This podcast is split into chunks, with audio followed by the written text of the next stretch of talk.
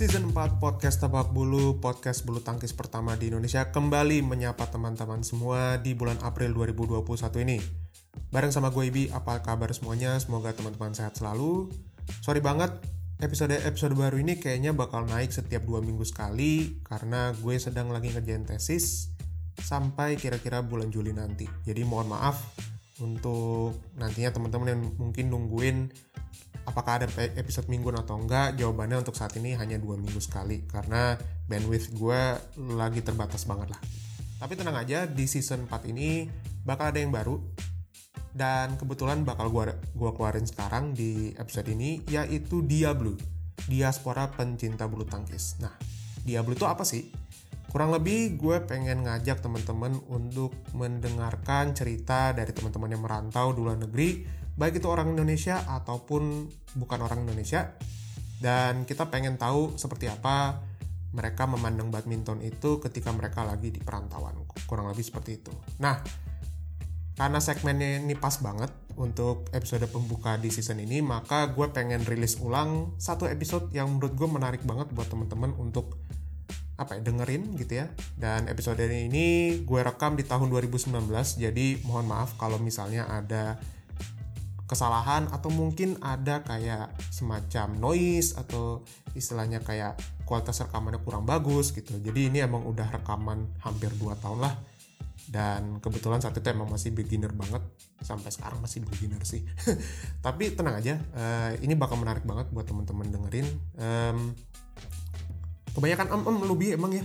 Udah lama ya nggak di depan mic gitu. Tapi tenang aja teman-teman pasti bakal seneng dengerin episode ini mungkin teman-teman yang juga di luar negeri dan kangen sama apa ya sama badminton bisa dengerin episode inilah gitu nah tanpa berlama-lama lagi ini dia episode pembuka season 4 podcast Tepak Bulu Diablo bareng sama Mas Malik Basri Halo, baik.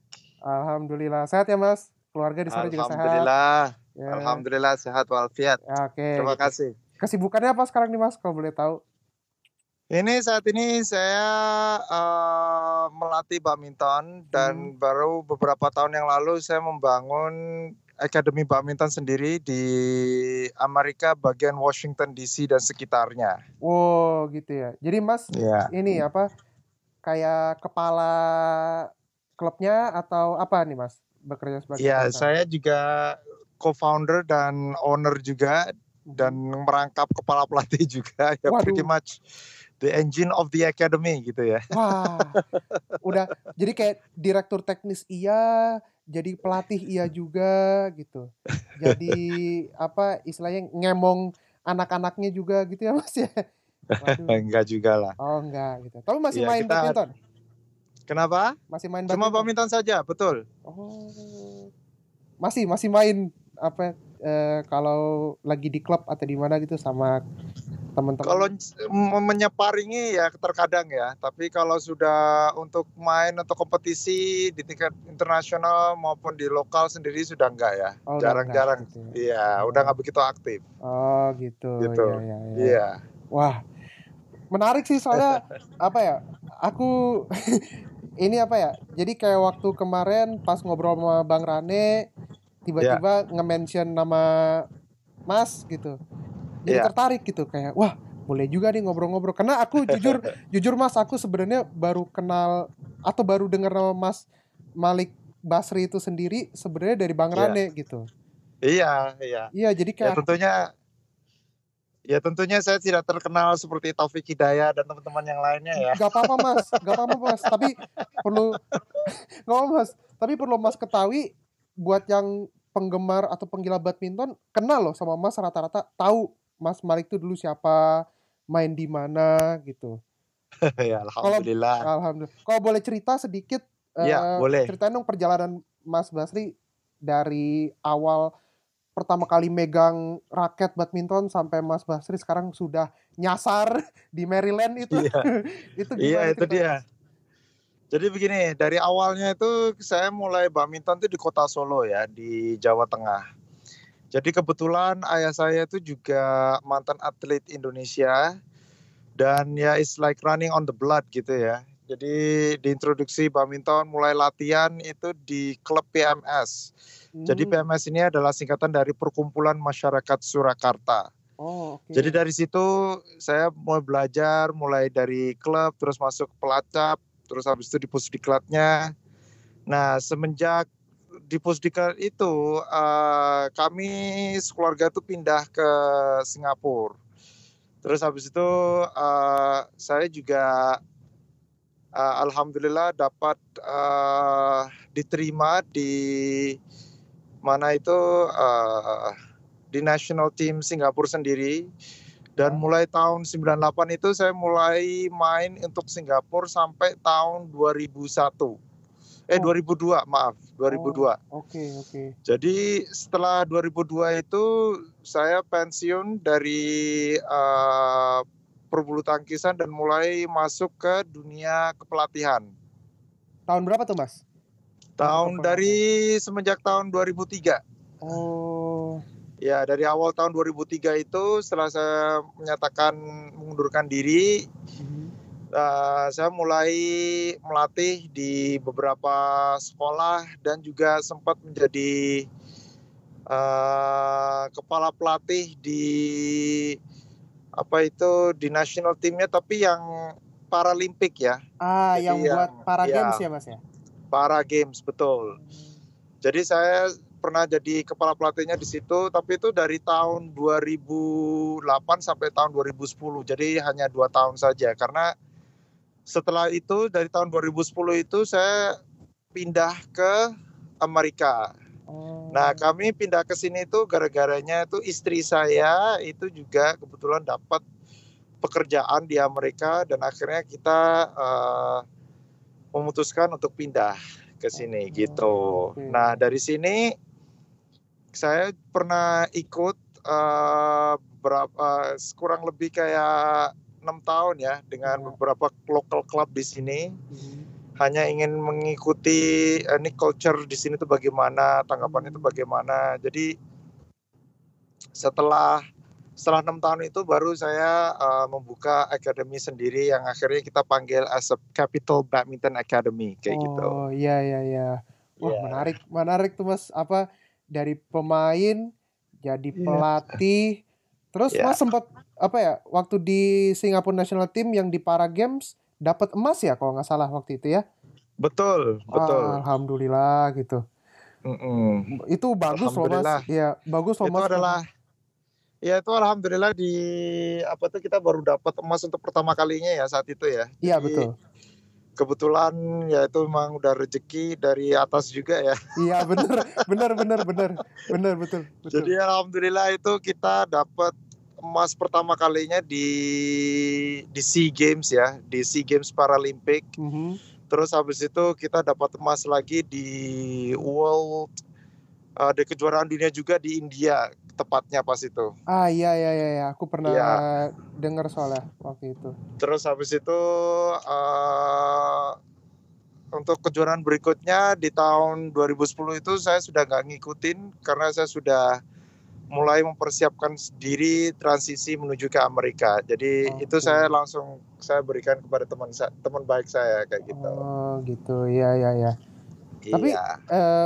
Kalau boleh tanya sekarang kita balik dulu ke zaman Mas Malik waktu masih kecil gitu ya. Oke. Kalau boleh. Siap. Pertama kali megang raket badminton tuh umur berapa?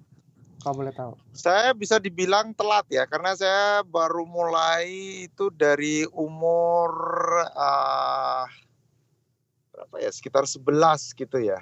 Umur 11 ya? Umur 11. Oh, umur 11 dianggap telat ya kalau di Udah dianggap enggak telat kalau dihitung melalui teori sport science ya. Oh, oh iya iya iya. Karena- iya. Iya iya benar. Karena kalau untuk sport science itu untuk pembinaan awal itu seharusnya dimulai dari umur eh, 7 sampai 9 tahun itu. Oh. Begitu. ya, Jadi Begitu. kayak ada usia optimum untuk memulai untuk mengenalkan olahraga ke anak-anak gitu ya, Mas ya. Betul. Jadi ini untuk menurut teori sport science-nya sendiri itu dari sebetulnya itu bisa dimulai dari ya umur 7, 7 sampai 9 itu tuh pengenalan dari uh, sport. Jadi seharusnya tuh sebetulnya itu tidak perlu spesifik ya. Oke. Okay. Tapi bisa ke diperkenalkan ke beberapa sport.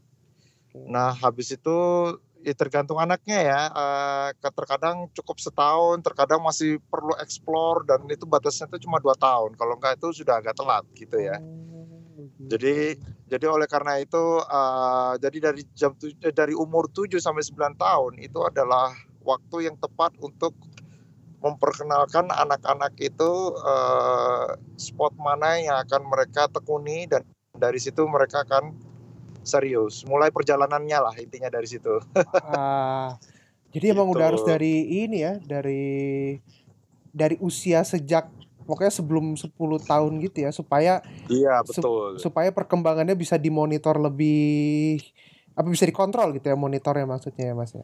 Hmm, bukan dikontrol ya, tapi lebih ke fundamental of the teknik dan juga dari segi body coordinations ya. Jadi mm-hmm. di dalam spot itu sendiri itu kan uh, menyangkut beberapa faktor. Jadi kenapa kita harus memulai dini itu untuk supaya fundamental skillsnya itu, itu kuat Oke. Jadi seperti bangunan nih, kalau fundamentalnya kuat, ya. jadi bisa dibangun setinggi mungkin kan. Nah, kayak gitu. Betul, jadi nggak ada batasnya. Betul. Jadi kurang lebih seperti itu. Nah, itu tuh tergantung dari anaknya ke depannya itu gimana mau diterusin apa enggak itu kan bebas. Tapi setidaknya dengan fundamental yang kuat itu dia itu sudah punya paspor untuk bisa uh, pergi sejauh mungkin kayak gitu. Ah oke okay. intinya dasarnya harus kuat, fundamentalnya harus kuat. Oke okay, oke. Okay, okay. Berarti kalau gitu Mas ikutan turnamennya juga agak telat ya hitungannya waktu di Solo. Iya hitungannya agak telat. Cuma kebetulan itu kan saya punya uh, keuntungan ya privilege yang di mana itu uh, karena kebetulan orang tua juga adalah pengurus badminton di PMS itu sendiri. Jadi mm-hmm. ketolong juga lah, ketolong dengan beberapa latihan tambahan juga dan juga sparingan-sparingan yang memang dibutuhkan kayak gitu. Aha, aha. Jadi jadi jadi dari situ mulai bisa digenjot intinya tuh kayak mengejar ke segala ketinggalan yang ada kayak gitu. Oke oke oke oke. Benar benar benar benar. Tapi ya Begitu. paling paling tidak emang Mas dari zaman dulu sampai sekarang istilahnya tuh bener-bener bukan cuma aktif ya. Kalau aku bilangnya kayak sudah punya investasi waktu di badminton itu sendiri ya kalau boleh. Iya, oh. ya mungkin karena karena karena keluarga saya sendiri itu bukan hanya ayah ya yang di tim nasional ya, tapi hmm. juga adik ayah saya, paman saya itu juga masih aktif dan dia tuh sekarang masih sebagai pelatih ganda putri di PBSI. Ah iya iya iya iya. Iya, oh. namanya Hafid Yusuf. Hafid Yusuf uh, ya. Uh, iya betul. Tahu tahu. Jadi iya memang sudah di keluarga gitu ya. Hmm, iya. keluarga bulu yeah. tangkis gitu ya. Keluarga Islam. bulu tangkis. Oh, iya bukan. Oke oke oke. Iya begitulah. Oke, okay. Mas. uh, kan Mas dulu pernah jadi pemain, pernah jadi pelatih yeah. gitu kan yang um, kalau boleh tahu nih bedanya tuh apa sih ketika Mas jadi pemain sama pelatih itu di mana perbedaan paling signifikan? Karena kan kalau orang lihatnya kayak kayaknya sama aja gitu ya, kayak istilahnya mm. jadi pemain berarti yang tanding, pelatih yang ngasih arahan. Mm. Tapi sebetulnya apa sih yang membedakan mm. dua profesi itu meskipun kerjaannya kurang lebih sama gitu, Mem, apa buat juara mm. gitu. Apa sih yang beda? Iya, kalau kalau bagi saya ini dari pandangan saya sendiri ya, kalau menurut saya itu sebagai pemain itu lebih ke self uh, concentration ya, jadi self discipline. Jadi intinya itu apa yang kita pikirkan kan itu itu lebih ke untuk diri kita sendiri. Mm-hmm. Jadi lebih ke lebih egois gitulah ya. Kita intinya kita harus latihan keras, apa yang kita harus lakukan itu itu menentukan dengan uh, performance kita dan juga tentunya hasil pertandingan ya kan. Ah, iya betul. Nah kalau misalkan jadi pelatih, kita kan bukan kalau pelatih itu kita justru harus memikirkan pemain itu sendiri kayak gitu loh. Ah. Jadi dari segi pemain ini kita bukan hanya memikirkan satu orang, kita akan memikirkan di dalam tim itu kan pasti ada beberapa orang kan ya. Iya betul. Anggap anggap aja kita ada lima orang. Dari lima orang itu tuh beda karakter dan punya beda uh, specializationnya juga kan. Iya betul. karakternya beda, uh, keistimewaannya juga beda. Jadi kita juga sebagai pelatih yang baik itu kita juga harus bisa menyesuaikan.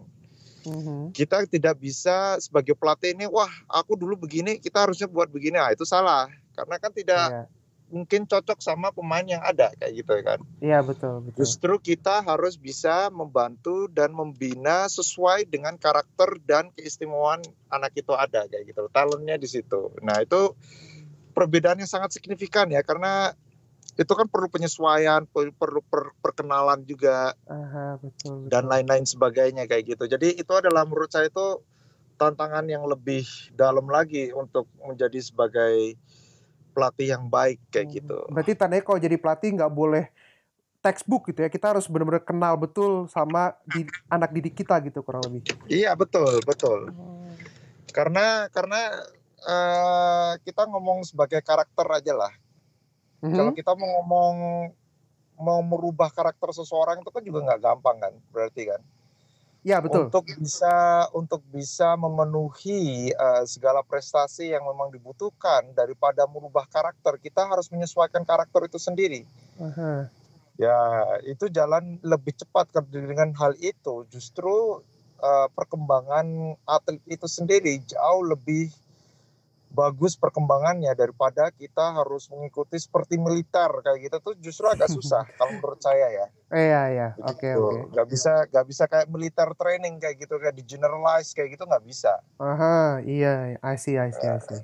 begitu. Uh, dan menurut Mas kan Mas ini kan hitungannya uh, dari apa jadi pemain tuh dari tahun 98 sampai awal 2000 terus kemudian jadi pelatih Terus mm -hmm. sekarang Mas jadi kayak semacam owner dan co-founder dari klub badminton di Maryland gitu ya. Iya. Yeah. Nah, uh, menurut Mas dari perbedaan generasi itu apa ya? Dari generasi tahun 90-an ke 2000-an sampai ke 2010 sekarang atau menjelang 2020 ini apa sih yang membedakan uh, pemain dulu dan sekarang gitu? Kalau boleh tahu. Kalau dulu, oke, okay, kalau di zaman di zaman saya itu tuh uh, kurang lebih ini ya. Kalau menurut saya tuh uh, kita tuh ada beberapa revolusi karena BWF itu sempat uh, mengganti pola permainan dari segi scoring. Ah iya ya betul, kan? ya betul betul. Uh, kalau dari segi saya itu kan dulunya kan mulai dari 15, 15 poin, terus ada hmm. service over, ya kan? Iya betul. Itu kalau, nah itu beda-beda poin itu beda sudah pasti perbedaan dari segi strategi kita untuk bermain kayak gitu. Iya betul betul. Jadi kalau yang masa lalu awal-awal yang saya main dari 15 poin itu itu lebih benar-benar fisik ya. Itu tuh physical demand banget itu. Iya betul. Jadi jadi nggak walaupun memang ada speed and power tapi itu benar-benar physical demand banget ya untuk karena itu kan kalau kita servis, kita hmm. kalah itu kan berarti kan service over, tapi kan belum tentu dapat poin. Nah, itu kan bisa ya. service over. Itu tuh tuh bisa memperlama permainan. Benar.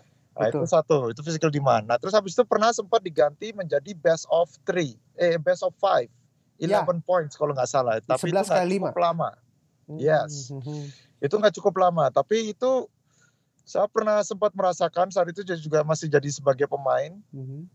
Nah, itu itu lebih ke speed and power ya. Ya. Itu benar-benar speed and power. Tapi walaupun kita pikir, oh ini tidak terlalu physical demand, tapi gara-gara uh, kita bermain cepat dan itu demandnya kan seperti itu, itu lebih dynamic menurut saya ya. Mm -hmm. Itu dynamic, dynamic sekali dan itu bis, kita bisa lihat itu uh, pemenang di setiap tournament itu saling berganti. Jadi nggak juaranya ya itu itu aja kayak gitu nggak juga yeah. kayak gitu loh. Iya yeah, yeah, betul. Jadi itu lebih dynamic dan terkadang itu kan ada pemain yang entah dari mana tiba-tiba bisa jadi juara kayak gitu kan. Iya iya iya iya betul. Ada seninya juga di situ kayak gitu loh hmm. dari segi itu. Hmm. Terus habis itu entah kenapa terus diganti menjadi kayak table tennis point ya 21 poin. Iya 21 poin betul. Nah, di mana itu juga kayak misalkan kita servis atau kita nggak servis tapi kalau kita menang kita baru dapat poin gitu kan. Iya betul. Yang saat ini juga masih diterapkan sih sebetulnya sampai sekarang ya. Ya, 21 Karena kali itu lebih sukses. Jadi kalau untuk yang saat ini uh, menurut saya itu lebih ke speed and power juga. Jadi kayak kombinasi antara style lama sama style yang sebelumnya. Ah, Jadi style lama itu kan physical demand, ya, ya kan? Yang yang baru yang 11 poin yang best of five itu kan lebih ke speed and power. yes. kan? Nah, yang sekarang ini tuh kayak kombinasi antara dua. Ah, Physical oke. demand juga, speed and power juga. Oh. Tapi yang lebih hebatnya lagi, pemain-pemain sekarang ini yang terutama yang pemenang-pemenang itu adalah siapa yang bisa bermain lebih konsisten dan lebih safe. Dialah juaranya kayak gitu. Oh, oke oke oke. Menarik Jadi nih kalau- perspektifnya. Iya, kalau misalkan kalau Mas Yubi eh, lihat secara seksama ya, coba li- lihat per poin itu tuh ada berapa sekali pukulan tuh per per pukulan ya. Itu Mhm, rata-rata tuh 15 sampai 20 pukulan. mhm. Bayangin itu cuma satu pukulan doang itu. Satu poin Satu doang. Service. Iya, Satu poin doang itu, satu poin doang itu. Iya ya benar. Dan itu speed and power juga ya kan. Jadi jadi itu menurut saya itu adalah perpaduan antara speed and power dan uh, physical demand Hmm, iya benar. kayak gitu. Dan dan sekarang itu di di race lagi itu lebih ke konsistensi. Jadi pukulan nggak boleh gampang mati kayak gitu. Jadi harus lebih fokus lagi. Hmm. Jadi harus lebih tenang kayak gitu-gitu. Jadi memang lebih susah ya. Ah, menarik. Mas Mas bilang 21 kali 3 atau sistem yang sekarang lebih sulit gitu ya. Karena itu kom- kompromi atau kombinasi dari dua sistem scoring yang lama gitu ya. Iya, Oh. Benar nggak? Coba coba Mas Yubi pikir. Benar, benar, benar, benar. Itu menurut pemandangan evaluasi saya sendiri ya. nggak apa-apa nggak apa-apa kalau soalnya gini aku cuman pengen kayak apa ya kayak istilahnya pengen ngomong pengen berpendapat seperti ini karena contoh kita lihat kayak women's doubles gitu ya misalnya Ya. itu satu poin itu rally-nya bisa itu bisa dibilang salah satu disiplin yang rata-rata shotnya atau rata-rata pukulannya tuh pasti di atas 30 sampai 50 per poin. Iya, ya kan? Betul. itu bener-bener itu pasti latihan it- apa ya latihan fisiknya lebih kenceng lagi dibanding dulu. Kalau poin yang perempuan kayak 11 gitu ya bukan 15 ya setahu aku dulu itu Iya. Tapi sebetulnya menurut saya ya, itu tuh masalah latihan itu tidak ada perbedaannya. Tapi masalah physical itu kan infinity ya. Mhm, betul Seberapa jauh? Sebetulnya kita tuh manusia itu, kalau menurut saya sendiri itu tidak ada batas. Tidak ada kayak guideline, oh kamu sampai sini udah pasti fit. Nggak bisa. oh oke Masalah physical itu tuh uh, infinity. Jadi seberapa kuat kamu bisa menahan sakitnya itu kan. Makanya kan banyak orang legend bilang no pain no gain. Kan di Ya. situ ya artinya. betul betul betul betul betul betul Jadi ya harus merasakan sakit. Ya sakitnya tuh apa? Capek. Ah, benar benar benar berarti pemain sendiri yang harus tahu kapan eh, seberapa jauh dia bisa push his or her Betul. limit gitu Iya betul. oh. Seberapa disiplin juga dan seberapa besar kemauannya mereka untuk menjadi sang juara. Itu kan semua kan dari dari segi physical factor ya. Kalau menurut saya, Mhm. kalau namanya pemain sudah termasuk misalkan udah terpilih jadi pemain pelatnas lah ya. Ya. Ya kan? Itu sebetulnya tuh kita sudah bukan ngomong masalah teknik lagi. Hmm. Mungkin teknik itu beberapa persen lah. Ya tidak mungkin kayak 100% teknik kayak gitu nggak mungkin itu kan lebih kayak mungkin 30 atau 40 persen lah ya sisanya tuh adalah stamina Oh gitu. Dan Gitu. mental. karena kan kalau kalau kita lihat nih dari segi skill nih apa nih keistimewaan misalkan Lindan Ya. ya kan keistimewaan skillnya tuh tuh apa dibandingin sama Lee Chong Wei sama pemain kita eh, Jojo atau Ginting kayak gitu tuh keistimewaannya tuh apa hampir sama sebetulnya Oke. yang perbedaannya tuh adalah dari segi physical dan konsentrasi dan konsistensi of the shot kan Ya betul. itu betul. yang bikin buat perbedaan kenapa si Lindan ini bisa lebih baik prestasinya daripada pemain-pemain yang lainnya kayak gitu Ah. Di umurnya yang 35 tahun sekarang masih bisa juara Malaysia Open gitu ya. hmm, umurnya sekarang itu tuh hebat itu Iya. nggak ada tuh pemain seperti dia tuh Iya. Mirip kayak di tenis sekarang Federer juga umurnya 35 masih juga begitu.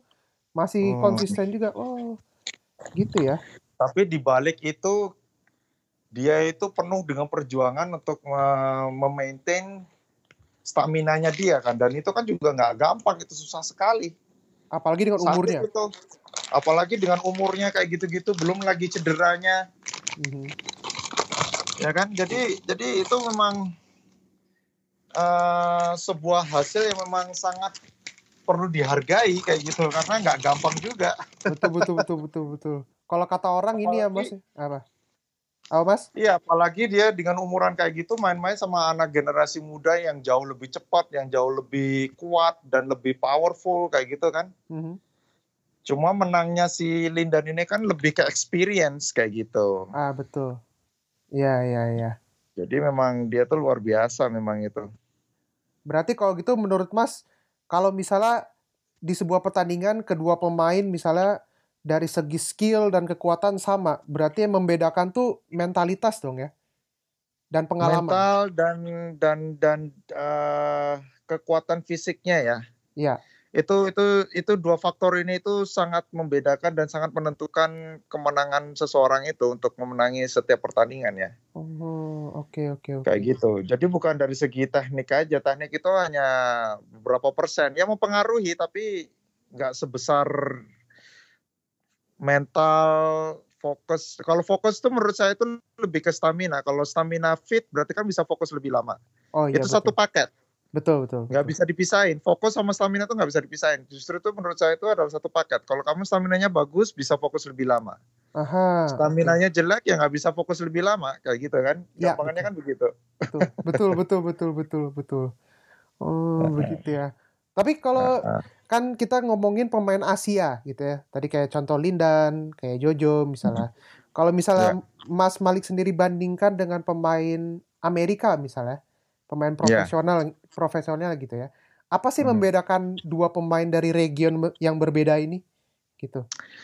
Oke, okay, kalau misalkan di Asia sendiri lah, kita ngomong Asia ya. Ya. Karena Cina, Indonesia, Malaysia itu kan region Asian gitu ya. Betul.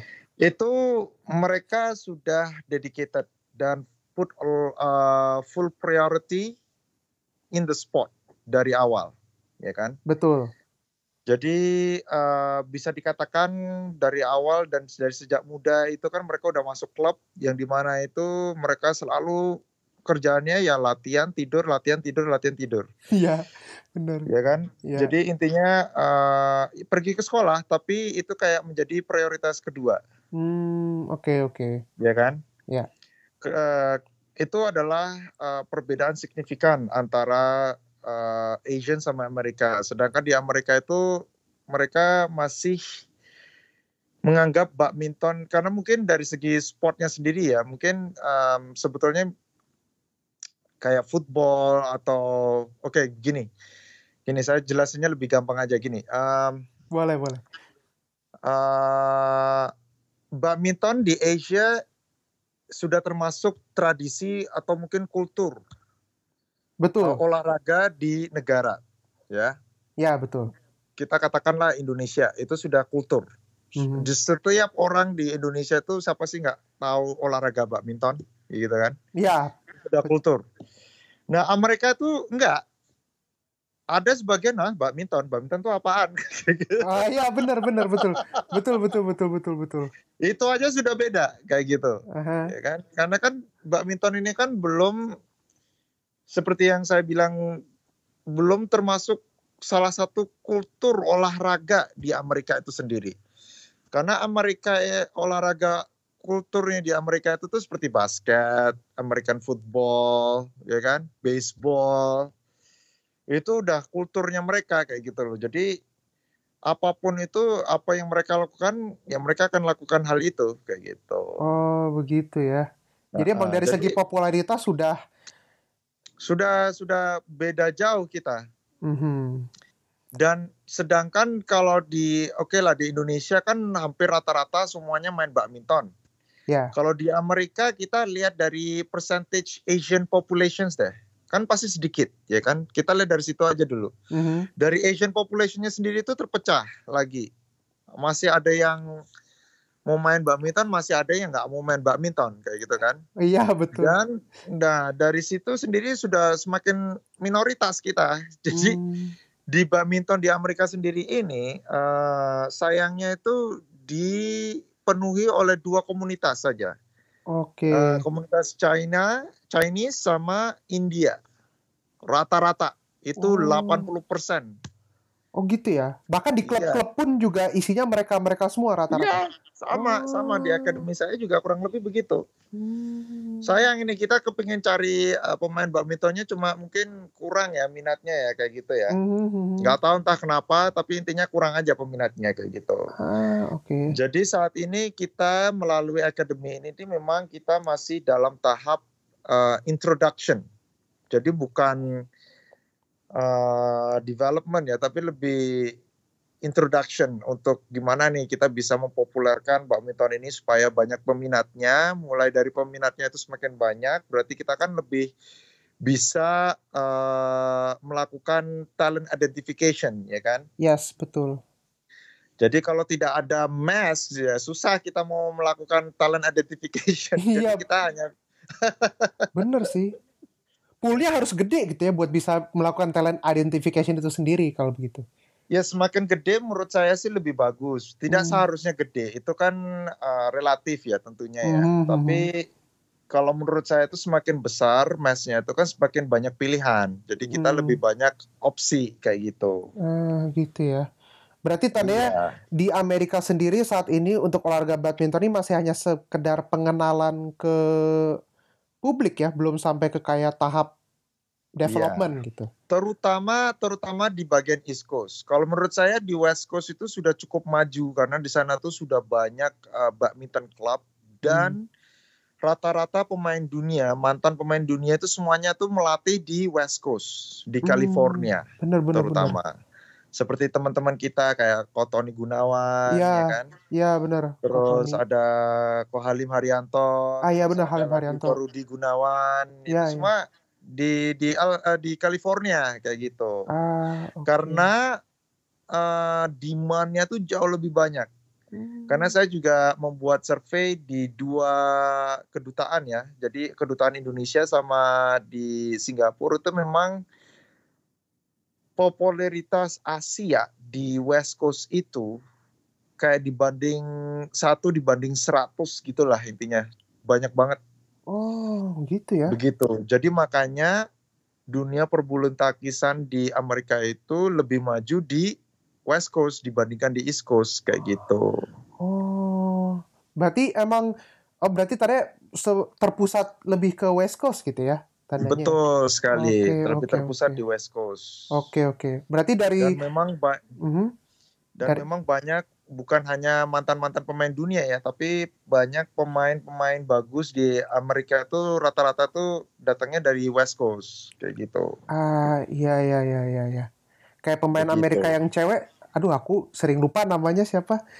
Eh Wen Zhang. ya Ch- eh, Chan Beiweng, ya benar. Beiwen Chan, Ya. betul. Ah iya iya. Ya betul. Eh, dia juga dari Las Vegas ya kalau nggak salah ya. Ya itu kan termasuk uh, West Coast. West Coast, bener. terlalu jauh dari California, walaupun Bener, di Nevada ya. Iya iya iya iya sih. Tapi kan paling tidak udah di barat lah gitu. Ya kan? Iya, ada di barat. Oh gitu. Berarti kalau Gitu. begitu dari turnam dari jumlah turnamen kemudian talent pool segala macam kalau dibandingkan dari West dengan East West sudah pasti lebih eh, satu Lebih- apa ya? Satu langkah di depan kita gitu ya istilahnya di depan. Betul, betul. Oke, betul oke. sekali. Oke oke oke oke.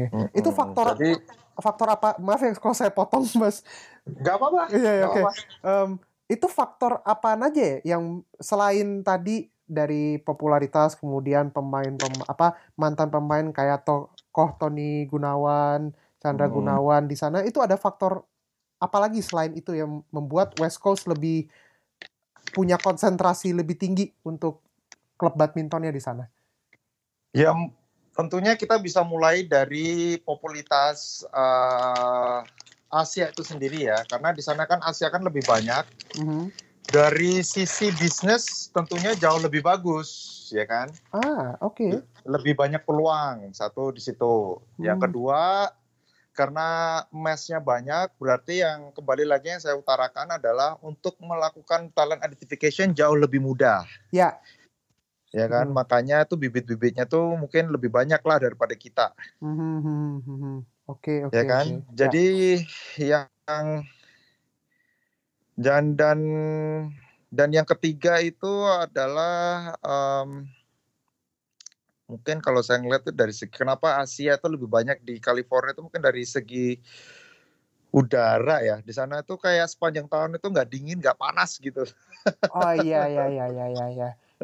kelihatan sih gitu memang Iya, jadi jadi nggak kayak tempat kita. Kalau kita kan kalau summer panas banget, kalau kalau dingin ya dingin banget kayak gitu kan. Jadi iya, betul, enak betul, kayak gitu. Betul betul betul. Cuaca juga bisa pengaruh gitu ya ternyata. Ya. Bisa mempengaruhi. Jadi ada tiga faktor kayak gitu. Oke oke oke. Kalau yeah. Iya.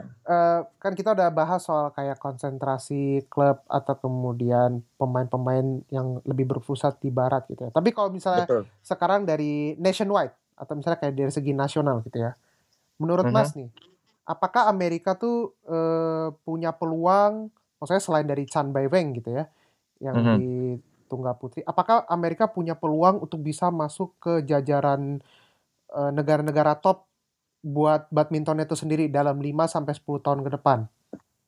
Ada nggak? Kalau menurut kalau menurut saya itu pasti tentunya ada ya. Ada. Karena namanya talent itu kan pasti sekarang kalau talent itu pasti ada. Kita ngomong talent aja dulu ya. Talent mm -hmm. itu pasti ada. Tapi sekarang persoalannya tuh sejauh mana mereka mau berkomitmen sama olahraga badminton. Nah itu. Ah iya iya benar. Eh, jadi nggak semua oh, pemain banyak pemain talent yang saya lihat, tapi mereka lebih memberatkan ke sekolah, ya kan? Iya betul. Memberatkan lagi, ini lebih kebanyakan lebih ke sekolah ya daripada ke hal-hal yang lainnya ya. Jadi jadi itu itu adalah pembuntuan uh, dunia bulu tangkis di Amerika itu sendiri. Jadi hmm. gitu loh. Jadi hmm. tidak ada dan salah satu faktor yang menurut saya itu di sini itu adalah tidak adanya centralized training. Jadi kayak national training seperti kalau di Indonesia itu di PBSI di Cipayung kayak gitu kan. Nah, okay. di sini tuh nggak ada. Oh. Sini itu based on club training. Jadi misalkan nih ada kejuaraan junior uh, uh, akan uh, berpartisipasi di kejuaraan internasional itu kan tentunya melalui uh, kejuaraan, ke, kejuaraan internal ranking dulu kan. Ya, Jadi betul. siapa aja yang masuk top 4 oke okay, baru bisa qualified. Hmm. Nah, itu aja setelah terpilih nggak ada mungkin ada tapi terkadang itu kan ada beberapa pemain yang tidak tinggal di California misalkan. -hmm. Salah satu contohnya adalah salah satu anak buah saya yang juga qualified. Tapi dia tinggal di East Coast, sedangkan centralized trainingnya di West Coast. Waduh. Itu kan komitmen banget kayak gitu loh ya kan. Iya, iya, harus iya, bolos sekolah. Iya benar. Harus nyewa hotel untuk penginapan, hmm. harus bayar latihan dan segala-segalanya. Belum tiket pesawat lagi kayak gitu-gitu. Dan itu is overloaded. Jadinya akhirnya ya udah kita nggak ikut centralized training. Akhirnya kita langsung ketemu di lokasi pertandingan oh. yang yang kayak tahun lalu itu di Brazil. Ah iya iya oke. Okay. Uh, jadi kebetulan saya juga uh, salah satu pelatih USA for Junior juga. Jadi ya saya juga ikut di situ juga bersama pemain saya kayak gitu. Oh berarti Mas waktu Youth Olympic Games kemarin ikut ya? Yang ke Brazil? Bukan Youth Olympic. Kalau Youth Olympic beda lagi. Kalau okay. ini yang saya ikutin itu adalah Pan Am, Pan Am Junior ya. Oh Pan, Am Junior, oke. Okay. Iya betul. Itu ah. yang terakhir. Itu kalau yang Youth Olympic itu ada lagi pelatih yang namanya Andy Chong kalau nggak salah. Oke. Okay, Dia okay. yang pergi, iya. Uh, okay. Tapi dan itu juga USA kan cuma ngirimin satu pemain ya, kalau nggak salah itu. Ya setiap Jessica negara satu. Namanya. Setiap negara iya. satu memang kalau di Youth Olympic Games. Betul betul. Mm -hmm. Oh, menarik ngelihat perspektif apa Amerika ternyata sebenarnya masih apa ya kayak they still have a lot of catching up to do, right? Iya betul oh, betul gitu. sekali. Oh. Kalau kalau boleh masih ketinggalan dari segi organisasi masih, mm -hmm. tapi mungkin gara-garanya mungkin nggak tahu ya ini mungkin badminton sendiri itu masih belum populer itu kan mungkin satu hal. Terus mm. uh, untuk menyatukan besarnya Amerika ini menjadi satu itu juga keterkendala dari segi biaya dan mungkin dari segi admin kayak gitu-gitu. Jadi mungkin dari situ masih belum ketemu ya mungkin ya. Iya benar benar benar. Jadi ya oh. ya memang memang sedikit keterbelakang nih kita ini. Bewon Zeng aja ini segi perjuangannya juga cukup sangat perlu diacungi jempol lah intinya. Iya. Bagus iya, iya. Ya, perjuangannya luar biasa. Ya. Di, bener, bener, bener, bener. Karena aku, aku taunya dia kalau di beberapa turnamen kadang suka nggak ada yang nemenin, dia sendiri aja pergi. Iya memang gak ada yang nemenin karena karena ya itu uh, siapa pelatih head head coach pelatih USAB kan memang nggak ada kayak gitu loh. Iya sih benar. Cuma ditunjukin aja dari asosiasi, oke okay, pertandingan ini kamu pergi, oh, ini ini kan kita ada beberapa pelatih kayak gitu loh. Mm-hmm, Banyak bener. pelatih kita kayak gitu bener, di bener, Amerika. Benar benar benar. Tapi yang menentukan tuh adalah asosiasinya itu sendiri siapa yang akan berangkat kayak gitu gitu kan. Ah, oke oke oke. Jadi ya mungkin dari segi lebih berat dari segi ini ya mungkin biaya ya kali ya. Iya sih.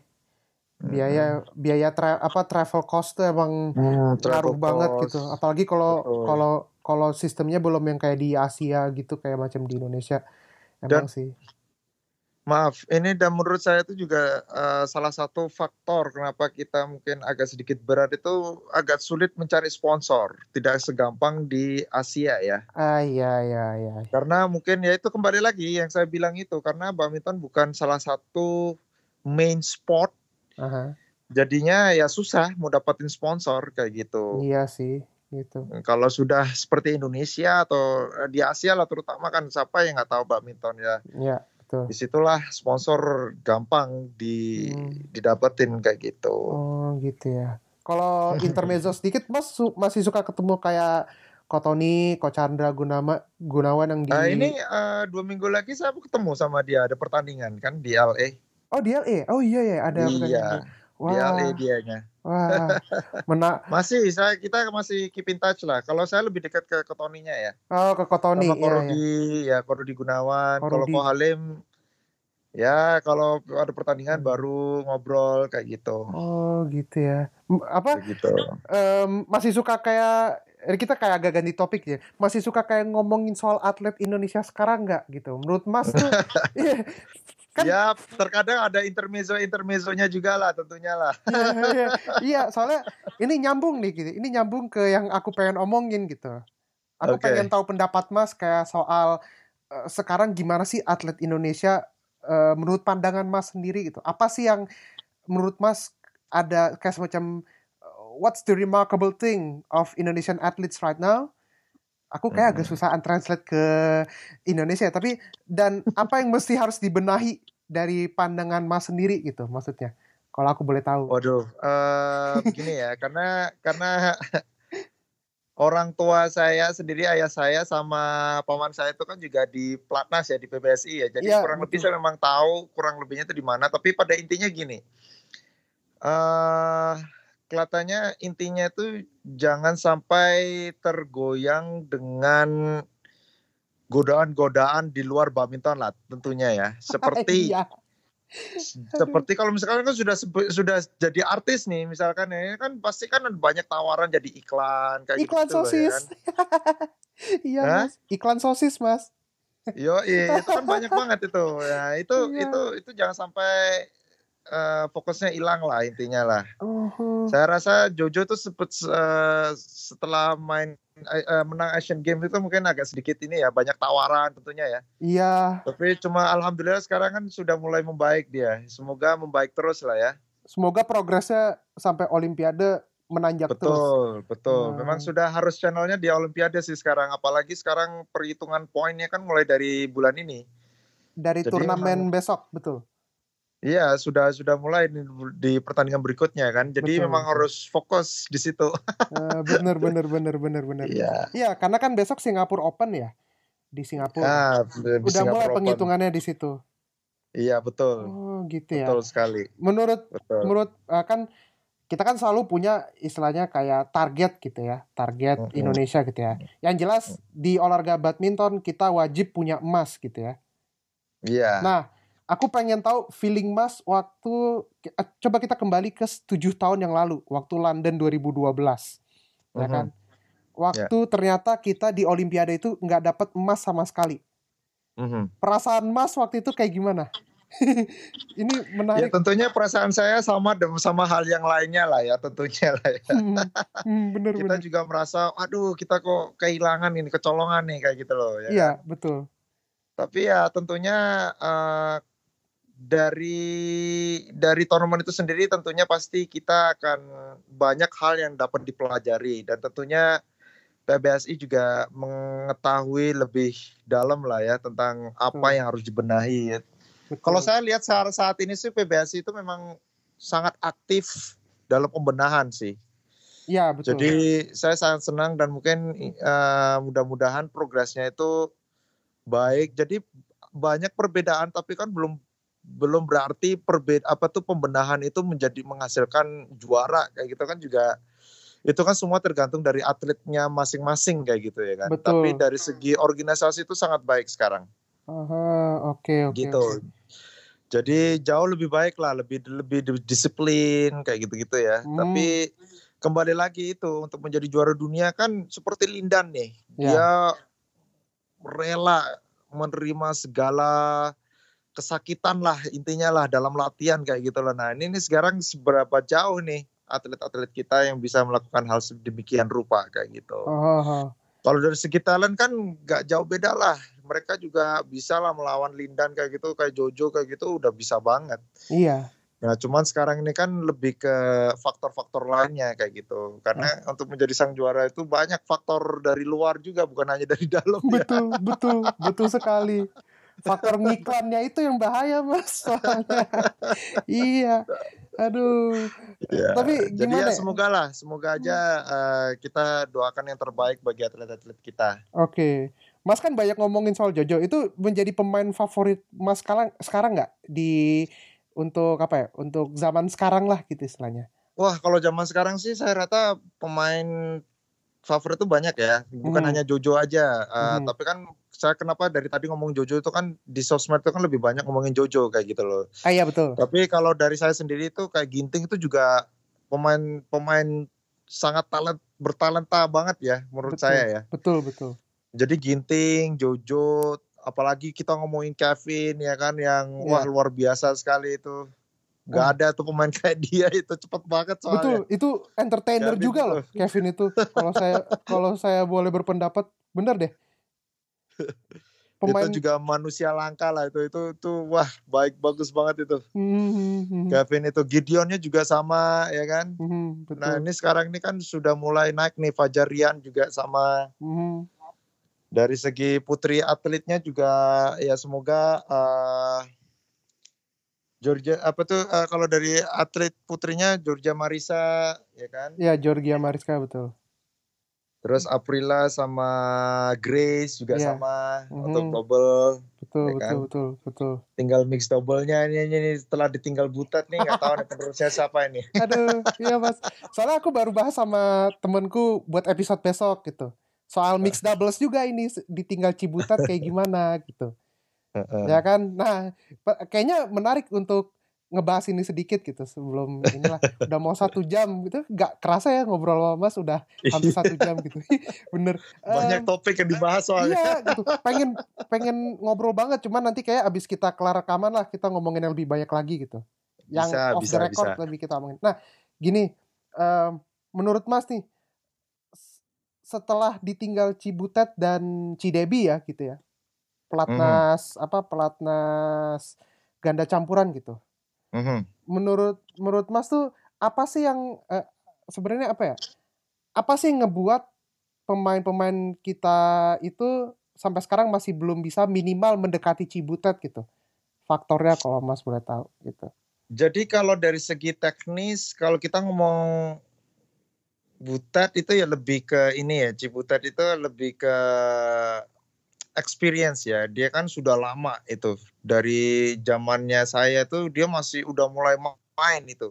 Mhm, Zaman saya tuh kayak Vita Marisa, Hmm. saya angkatannya Taufik Hidayat, Ya, Vita Marisa juga sama Ci Diana. Nah, Ci Diana nih di New Jersey nih oh, kadang-kadang ketemu nih ah Oh. di di Amerika juga dia terkadang ketemu cuma lewat ah, pertandingan aja nah itu kan oke. itu kan senior senior ya dia dia tuh sudah di situ dan tentunya dari segi pengalaman tidak perlu dipertanyakan lah ya. Iya betul. Jadi itu memang sangat kuat dan kembali lagi yang saya utarakan dari awal tuh fundamentalnya tuh udah cukup kuat sekali kayak gitu loh. Hmm, benar, Jadi benar. itu dulu faktor utama juga sih. Hmm. Nah, kalau kita ngomong masalah double itu agak sedikit complicated karena itu seperti pelatih Korik Korik ini seperti kayak ngelihat ini ini pasangan kayak suami istri gitulah Ah, iya, lah. benar, harus benar. ada chemistry. Betul betul. Nah itu kan susahnya kan di situ sekarang itu kan melalui transisi ya. Iya betul. Jadi kayak Tontowi sekarang ini kan kayak mencari istri barunya dia itu. benar, benar benar benar mencari. jadi jadi kayak masih uji coba jadi Hmm. ketemu nggak ketemunya karena kan mereka kan harus saling menyesuaikan kayak gitu kan Iya betul. Saling mengerti satu sama apalagi lain. kayak Cibutat itu kan adalah sosok eh, senior ya yang di mana itu dia bisa membimbing Tontowi dengan baik kayak gitu kan jadi Mhm. itu ini adalah estafetnya Tontowi sendiri sekarang ini gimana dia bisa membimbing adik-adiknya kayak gitu Iya benar. Benar benar. Tapi juga di sisi lain bukan hanya segala bukan hanya membimbing aja, Mhm. segi faktor lain ini cocok mau dengar apa enggaknya, bisa Hmm. diterapkan apa enggak strateginya kayak gitu. Itu kan banyak lagi tuh Benar benar dari segi teknisnya. Nah, itu itu adalah memang butuh waktu. Iya betul betul. Nah, kayak gitu. Hmm. Ya semoga aja lah. Iya. Tapi saya percayalah sama Koriki. Koriki itu dari dulu itu menghasilkan pemain terus itu. Wah, luar biasa itu Koriki. Iya Koricat. Koricat. Nah. Eh, Iya. Richard. Koicat Iya, betul. benar. Iya iya iya. Em, soalnya banyak yang bilang ya di sosial media ya, sosial media itu emang inilah poolnya orang-orang berkomentar gitu ya, Mas. Banyak yang bilang katanya eh, karena karena Owi udah keseringan dibimbing sama Cibutet, begitu ngebimbing yang mudanya nggak tahu harus ngapain gitu. Banyak yang bilang kayak gitu. Padahal kalau menurut aku sendiri transisi itu kan wajar ya, Mas ya. Iya. Namanya transisi Ya, itu butuh emang waktu. butuh Memang waktu, memang. betul.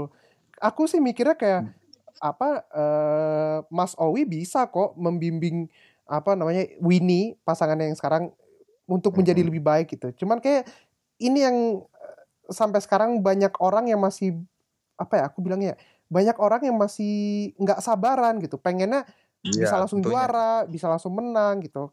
Semuanya ada semuanya ada proses gitu kan, Mas. Ya secara secara umum kan semua orang kan kepinginnya kan instan, tapi kan susah mau dapat instan seperti itu, nggak Iya. bisa. Iya, bener mas gitu. Apa me- melatih badminton bukan semudah bikin kita mie instan gitu. Yo, Iya kan? kayak program-program IT kayak itu kan lebih gampang ya. Iya, iya bener-bener. Aduh, gitu. Ya Aduh. jadi jadi memang memang butuh waktu. Jadi memang ya kita harus kasih beri mereka waktu juga lah tentunya untuk untuk proses transisinya seperti ini. Tapi sudah pasti akan ada. Saya pasti percaya banget pasti akan ada lah untuk Ada, kelanjutan berikutnya. Iya. ada, insya Allah gitu. Emang sekarang kita cuman butuh waktu untuk bersabar saja gitu. Iya betul. Bet- penting gitu. Kan Ya, kita baru tinggal berapa bulan sama Cibutan mau langsung hasilnya kayak Cibutan ya susah. ya nggak bisa gitu. Wah itu, iya. Lah iya. makanya mas apa namanya kadang kita but apa ya aku sendiri sebagai penonton ya aku meskipun Iya. bukan atlet gitu aku coba aku pernah ikutan klub tapi yang sebentar saja gitu ya. tapi aku melihat bahwa proses sebu apa seorang atlet dari nol sampai ke titik di mana ia sekarang berada itu ya perjalanannya panjang sekali gitu Iya, Ya. iya. So- Memang panjang. Dan perlu butuh perjuangan ya. Jadi kita jangan ngomong komentarin masalah hasilnya aja tapi harus dihargai juga perjuangannya mereka juga kayak gitu. Betul, Karena itu nggak betul. gampang betul betul betul gitu.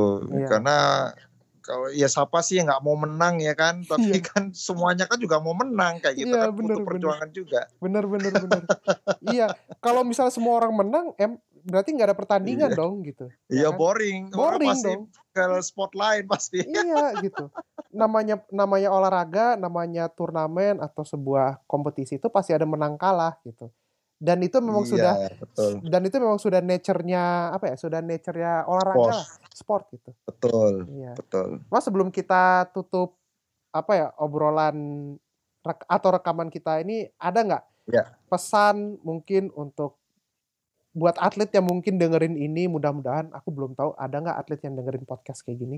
Atau mungkin buat buat para pencinta bulu tangkis Indonesia gitu ya.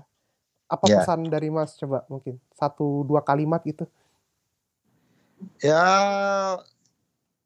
pesannya tuh adalah ya semoga kita eh, atlet-atlet kita tuh bisa eh, senantiasa fokus ya kan. Karena Hmm. kita sangat percaya banget kalau mereka bisa lebih fokus lagi tentunya hasilnya akan jauh lebih baik. amin Dan untuk pecinta-pecinta badminton, eh, mungkin sudah saatnya bisa eh, lebih menghargai perjuangan-perjuangan atlet kita ya daripada hanya sekedar kritik kayak gitu. Tapi terkadang motivasi dari pecinta badminton itu tuh sangat penting juga untuk atlet-atlet kita ya kan. Jadi Betul. mereka tuh supaya lebih semangat lagi. Oh, oke lah kayak gitu loh. Kayak Aku kan berjuang lagi kan. Terkadang tuh perlu ada bantuan moral juga ya. iya betul Jadi eh, kritik bisa, tapi ya sewajarnya aja kayak gitu. iya oke Jangan berlebihan. Gitu aja. Inti- intinya tidak boleh berlebihan gitu ya Iya. oke kritik boleh tetapi tidak boleh sampai membuat pemain down intinya harus Iya, Oke, betul, oke, begitu. betul. Oke deh, Mas Malik, terima kasih sudah mau ngobrol sama aku. Eh, Ya. Udah mau meluangkan waktunya untuk rekaman gitu. Maaf kalau aku agak sedikit merepotkan. Eh, Mas, guys, okay. oke gitu. I really enjoyed the conversation. Iya Mas.